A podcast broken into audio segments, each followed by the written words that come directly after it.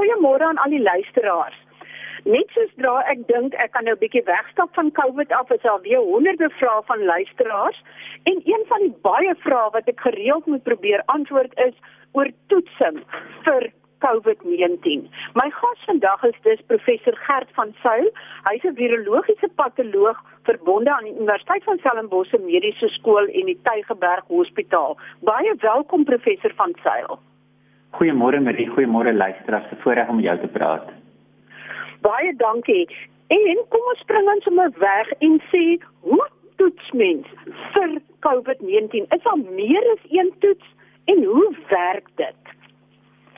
Ehm um, maar die breedweg is daar twee maniere hoe mens toets. Die een is vir die virus self en die ander is vir die mens se liggaamsimmuunrespons. Nou vir die virus self is die goue standaard uh wat ons noem RT-PCR toets. Die virus um, materiaal waarvoor ons toets is RNA. Ons skakel dit eers om na DNA en dan amplifiseer ons 'n klein bietjie DNA om baie daarvan te maak wat dit dan baie meer sensitief maak en in hierdie proses noem ons 'n polimerase kettingreaksie. En dit sê dan vir ons of die virusmateriaal teenwoordig is in die monster wat ons toets. Die ehm um, toets vir teenliggaampies is die toets wat ons gebruik om te sien of daar 'n immuunrespons is. Nou by die stadium is daar nog nie een van hierdie toetse deur Suid-Afrikaanse uh, owerheid die uh, sogenaamde SAPRA goedgekeur nie. Maar sodra dit beskikbaar is, kan ons dan toets of mense wel aan die virus blootgestel was. Ehm um, uh, daar's egter 'n redelike vertraging in hierdie voordat die toets positief word. Dit word eers ehm um, 'n groot persentasie word positief na 'n week nadat hulle siek geword het en dit raak uh, redelik sensitief so 2 weke nadat mense siek geword het. So dis dis meer 'n retrospektiewe toets, die toets vir teenliggame. En die met ander woorde, julle toets nou of daar enige DNA of genetika, genetiese materiaal van die virus in die lugweë of waar jy ook al die monster vandaan kry of dit daar teenwoordig is, sal jy selfs een selletjie kan optel. Teoreties is dit moontlik, maar prakties is dit uh heelwat moeiliker want dit hang af van hoe goed die depper geneem is. Eh, soos wat dan moet genoeg materiaal op die depper wees. En dan is daar uh as daar prosesse waar goed kan fout gaan. Die eerste is die ekstraksieproses van die RNA. Dis ook 'n rede hoekom hierdie goed nie so eenvoudig is as wat dit klink nie. Eers moet ons die RNA baie mooi skoon kry. Ons noem dit 'n ekstraksieproses en dit van die metodes wat ons gebruik vat so so 3 ure of tot so 3 ure om die ehm um, RNA materiaal uit te kry en dan die volgende stap uh, word daar dan 'n uh, reaksie PCR reaksie voorberei en dit uh en neem ongeveer so 2 ure om dit te amplifiseer. So so dis 'n hele die hele proses ehm um, neem in baie van die gevalle tot tot so 5 ure. Nou as daar ook vinniger prosesse waar dit binne uh, 40 minute afgehandel kan word, maar vir daardie vinnige ehm um, metodes sit ons met baie beperkte voorraad in die land. En ons prioritiseer, in ons geval prioritiseer ons die uh die belangrikste pasiënte, so siek pasiënte in die hospitaal of gesondheidswerkers wat dringend moet terugkeer werk toe as hulle negatief sou toets. So ons gebruik dit um vir, vir 'n paar mense. En so dit is 'n um dit is 'n lang proses. Ek weet nie of ek jou vraag nou reg beantwoord nie, Marie. Nee nee, um, ons gaan maar so deur al die vragies wat wat ja. moontlik kan opkom. En die ander vraag is hoe akkuraat is dit? Met ander woorde, as daar uh, genetiese materiaal teenwoordig is en die depper is reg geneem, sal dit opwys. So, is daar is is dit nie so akkuraat nie. Kan dit wees dat dit ons spring aan sommer na 'n ander deel toe wat sê van vals positief is en vals negatief is? Ja. En dit is is aan die eerste plek baie vinnig ontwikkel, maar van die maatskappye was baie ehm um, kan ek sê dat ehm um, slim en in die opsig het gekyk het na na drie gene. So dit het ons gehelp om seker te maak dat hierdie toetse wel baie spesifiek is. En die data wat ons het is dat dit wel baie spesifiek so lank daar nie fout gaan in die laboratorium nie. So laboratoriums moet baie versigtig werk dat hulle nie uh, kontaminasie het nie.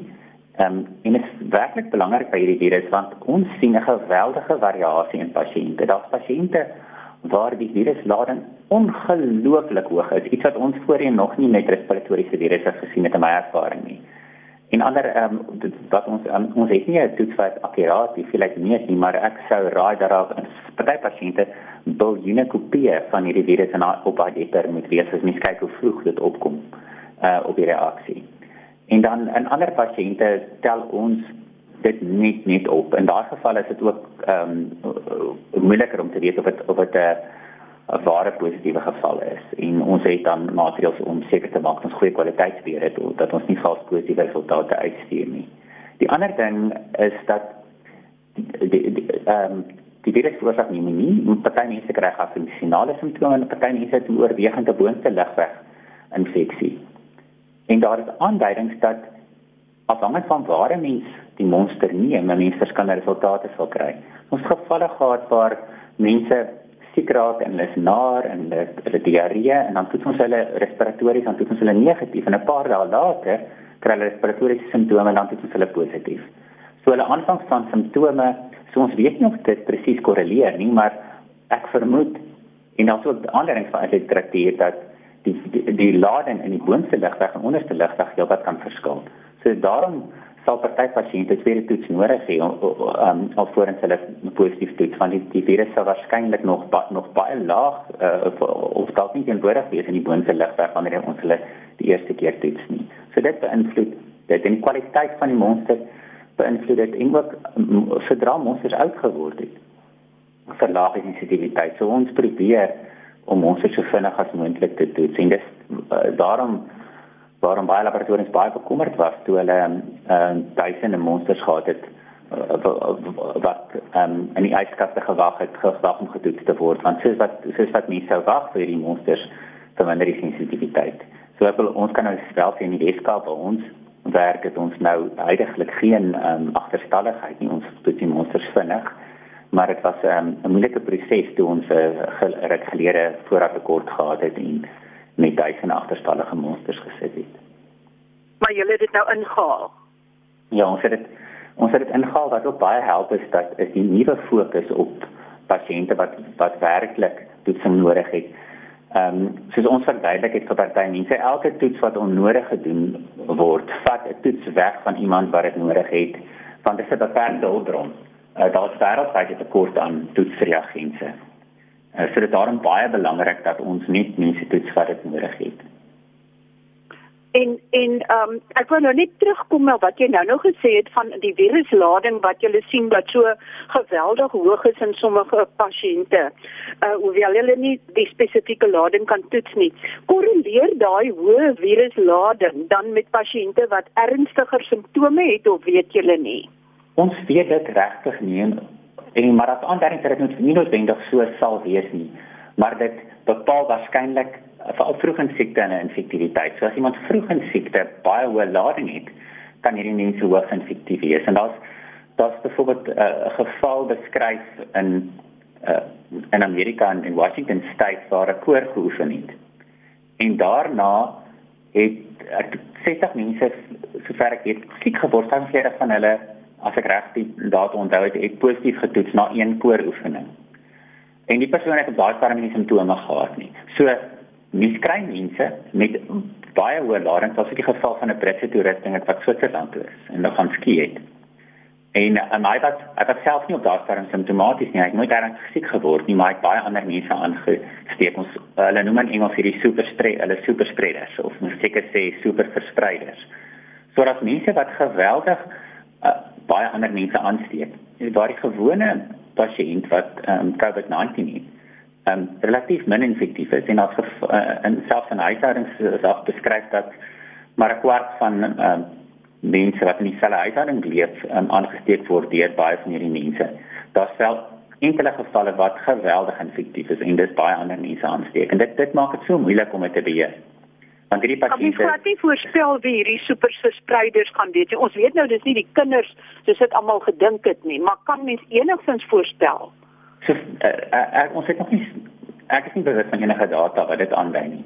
Maar dit dit skep 'n groot probleem vir alles hierdie superverspreider geen of baie geringe simptome het en nie besef hulle is infektief nie. Dit is daarom so belangrik dat almal hulle maskers dra want mense dra nie primêr die masker om om jouself te beskerm nie. Dit dit dit beskerm nie tot 'n geringe mate, maar die hoofrede is om om te keer dat mense ander mense infekteer.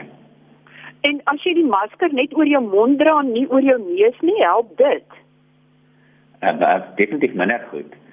Die die probleem met hierdie virus is dat dit versprei nie net met groot druppels nie, daar's ook aanduiding dat dit met baie klein druppels of aerosols kan versprei. Ons weet egter nie hoeveel in veel gevalle dit wel met die aerosol versprei nie, maar as ander dinge wel kan versprei met die aerosols en dit dis die groot probleem dat as dit so versprei dan dan en en daar's aanduidings dat dit dit waarskynlik die maniere hoe so mense geïnfekteer word sonder dat hulle bewuslike hoë risiko blootstelling gehad het. Ja, so die aanvanklik het hulle gesê dis net droplets, die druppelverspreiding, maar nou uh, weet mense kan tog nie 60 mense aansteek net deur droplets nie. Ja. Die die Die masker help baie vir die druppelverspreiding. Dit sal jou self ook beskerm teen druppelverspreiding en dit sal ook as uh, die labmaskers is is dit is nie baie ehm um, effektief of teen ehm um, teen aerosols nie, dit beskerm nie nie. Daar sien mens nog steeds ehm um, as dit 'n klein druppeltjie in die lug is, kan mens nog steeds inasem, maar dit gaan ten minste keer ten minste ten minste keer dat 'n mens groot druppels wat nie effektief is uh, aan aan ander oordra. En maak maar jou neus ook toe. Ja. En ehm um, dan wou ek gehoor het as mense ehm um, waarom toets party mense nog positief nadat hulle gesond geword het? Ja, Bly hierdie virus lank in die persoon? Ja. Dit mens kan van mense heeltemal herstel eers keer wat ek beskryf as ek dink uh, was in 'n in 'n tydse wat jy wat daar dan geen simptome gehad het nie en wat ehm um, nog nog hoog positief getoets het volgens hulle toetse. So so dit dit in die herstelfase is die uh viruslading nie 'n aanduiding van ook van infektiwiteit nie. En mense kan heeltemal herstel en dit terwyl hulle nog nog reeds uh, nog steeds 'n hoë lading het. Maar sal hulle dan nog dit kan oordra aan ander mense al het hulle al gesond geword? Ja, wat ons dink wat gebeur is die liggaam produseer reeds teenliggame, so die virus wat nou nog geproduseer word, um, is waarskynlik beskerm of bedek met teenliggame sodat wat dit dan heelwat minder effektief maak. So ons ons is nie 100% seker of nie, maar die die, die publikasies het daarop gedui dat dit 'n klein groepe mense maar dat hierdie pasiënte in die herstelfase getoets en hulle kon nie die virus kweek nie. Hulle kon wel die virus RNA aantoon, maar hulle kon dit nie in selkulture kweek nie. Nou dit dit kan daar's twee interpretasies. Die een is dat die dat dit net ehm um, uh, virus RNA wat reeds virusse wat reeds afgebreek is, maar 'n ander interpretasie wat ek dink meer sin maak is dat hierdie viruspartikels bedek word deur teenliggame van die wat dit vir die immuunstelsel so die, die teenliggame bedek hulle en dan kan hulle nie verder infekteer nie. En, en dit beteken dat hierdie mense is dan nie is, is dan definitief baie minder infektief.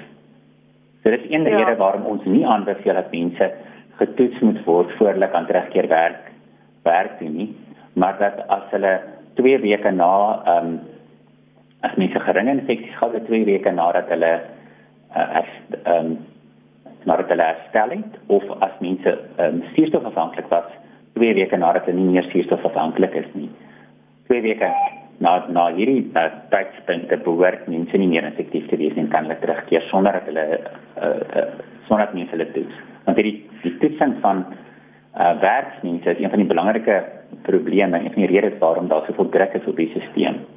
En ons beskou hierdie toetsing as onnodige toetsing. Wat Ek gaan nou ehm, kom by wie behoort dan getoets te word. Ek wil net vinnig hoor as hierdie virusmateriaal nog teenwoordig is na die tyd. Hoe raadsaam is dit as mense herstel het, selfs as hulle dit lig gehad het om gou-gou weer te gaan oefen, te gaan draf en so aan. Kan dit nie ook gevaarlik wees vir hulle sê maar vir hulle hart soos wat baie griepvirusse ook kan wees nie? Ek het nie bewus van spesifieke data vir COVID-19 nie, maar wat ons ehm um, weet is dat met ander virusinfeksies erns of ehm um, harde oefening wel die immuunstelsel kan onderdruk en dan kan lei tot 'n terugval. Mense het dit gesien met uh, hepatitis A, ehm um, dit is ook gesien met ander virusse ook. So dit is iets wat vir 'n mens ehm um, versigtig behoort te wees omdat daar nie nie data is nie. So ek sou dit sou dink dat dit 'n risiko inhou as mense te gou te hard begin oefen. Ja. Professor en dan wie volgens die jongste aanbevelings, wie is die mense wat getoets moet word? So daar's 'n um, 'n paar kategorieë die en die een is mense met onderliggende risiko. So dis mense uh, in die Weskaap het hulle nou dit duidelik geformuleer mense bo 55 en of mense met onderliggende ehm um, hoë bloeddruk, suikersiekte, ehm um, hartsiekte, longsiekte soos asma of ander ander longkwale, mense wat immuunodruk is, mense met kanker, mense wat in ehm um, versorgingseenhede bly. So allerlei mense met onderliggende hoë risiko moet getoets word. Ehm um, pasiënte wat hospitaliseer word. Hulle nou 'n aanraking was was met uh positiewe mense of nie of net as hulle 'n aanraking was. Mense met simptome en en hoë risiko. So mense met simptome en hoë risiko. Dis die een groep. Ja. Die ander groep is is mense wat gehospitaliseer word. En die rede daarvoor is dat in hospitale is dit baie moeilik om oordrag te beperk as mens nie weet wat iemand se status is nie. So as hospitaliseerde pasiënte word getoets en dan 'n derde groep is 'n kritiese gesondheidswerkers as mens hulle vroeër wil laat terugkeer werk doen. Dit word gewoonlik op dag 8 na blootstelling gedoen. Dit is die enigste geval waar ons uh, heidaglik aanbeveel dat mense uh, wat nie simptome het nie getoets word. Dis wanneer hulle uh, is om uh, want ehm uh, um, daar sit 'n tekort aan gesondheidswerkers sodat hulle vroeër kan terugkeer werk toe word hulle dan op dag 8 getoets na hulle blootstelling. So die met ander woorde, dit is 'n geselekteerde groepe mense. Ja. Maar aan die begin van die epidemie het het hulle was dit amper die plan om soveel moontlik as mense te toets en amper die positiefes en die negatiefes van mekaar te skei. Maar hoekom is dit nie haalbaar nie? Is dit omdat daar tekort aan toetsmateriaal is of omdat mense nog steeds kan aansteek? Wat is die rede dat dit daai strategie nie eintlik gewerk het nie. Ja, ek dink die hoofrede is dit dit was nie meer haalbaar nie. Dit as die ehm um, lockdown wel verspreiding meer in 'n groter mate kon beperk en 'n mens klein areas gehad het waar enkele gevalle infeksie opgedoen het. Dan sou mens teoreties ehm um, as mens hierdie areas vroeg opspoor, verspreiding kon bekamp deur ehm um, gevalopsporing te doen en kontakte te toets. Maar ons ons dilemma is dat selfs in en veral hier in die Weskaap hierdie hierdie uh, virus anders versprei. Ehm um, en die aanleiding was dat dit in in fase 5 ehm um, anders versprei het. Uh, Waarskynlik omdat daar so baie gevalle reeds geïnfekteer was voordat enige maatreëls aangekondig is. Die probleem met met hierdie virus is ook die feit dat daar dat dat mense min simptome kan hê en dat mense nie altyd bewus is dat hulle 'n infeksie het nie. So daar was daar was te veel gevalle wat infeksie opgedoen het en die die die die, die aantal mense wat getoets moet sou moet word en hoeveel toetse wat nodig is ehm um, daar was nie nie daar voldoende beskikbaarheid nie. En wat dan wat dan gebeur is daar soveel daar so aanvraag aan toetsing dat daar daar geen kap dan nie voldoende kapasiteit is en daarmee saam weens uh, beperkte vlugte en ook internasionale uh, probleme met produksie van reagense het gelei tot groot tekorte. Ehm um, daar sou maar stel ehm um, sou ons stel een van die redes hoekom daar tekort aan van sekere reagense was is omdat die alkohol wat gebruik word in van hierdie ehm um, ekstraksie metodes is uh, uh, is gelewer aan mense wat uh, hand sanitizers wat hierdie um die ons uh, ons metingsmiddels wat mense gebruik om hulle hande skoon te maak, dit gebruik ook alkohol. So dit is waarskynlik daar uh, die groot behoefte daaraan het gemaak dat daar min reagense was om van die ander uh, laboratorium reagense te maak. So daar's dit's 'n baie komplekse probleem en daar was ook bitter min in. So die een ding het, het eintlik 'n negatiewe effek op die produksie van die ander ding gehad, weet jy? Ja. En dit was baie moeilik om toetse in die land te kry. En daar's daar's heidaglik nog 'n groot tekort aan sekerheid van die toetse. So ons moet op hierdie stadium heelwat verskillende metodes gebruik sodat ons seker kan maak dat ons nog steeds kan pasiënte toets as as die een as die voorraad aan die een uh, toetsmetode of ekstraksiemetode as dit opraak dat ons nog genoeg het om die ander om die mense op die ander metodes te kan toets.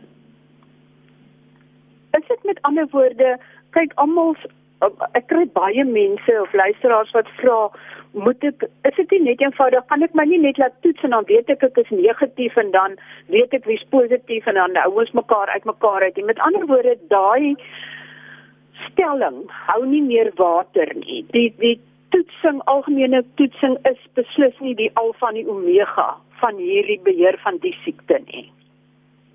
Nee, ons kan ja, on, ons kan nie almal toets nie. Ons kan nie almal wat ehm um, wat dink hulle is doodgestel toets nie. Ons kan nie ons moet dit fokus op die mense wat dit nodig het want dit is 'n beperkte hulpbron. Dis dit net dat nie werk met enige beperkte hulpbron nie, moet dit baie ehm um, oordeelkundig aanbied.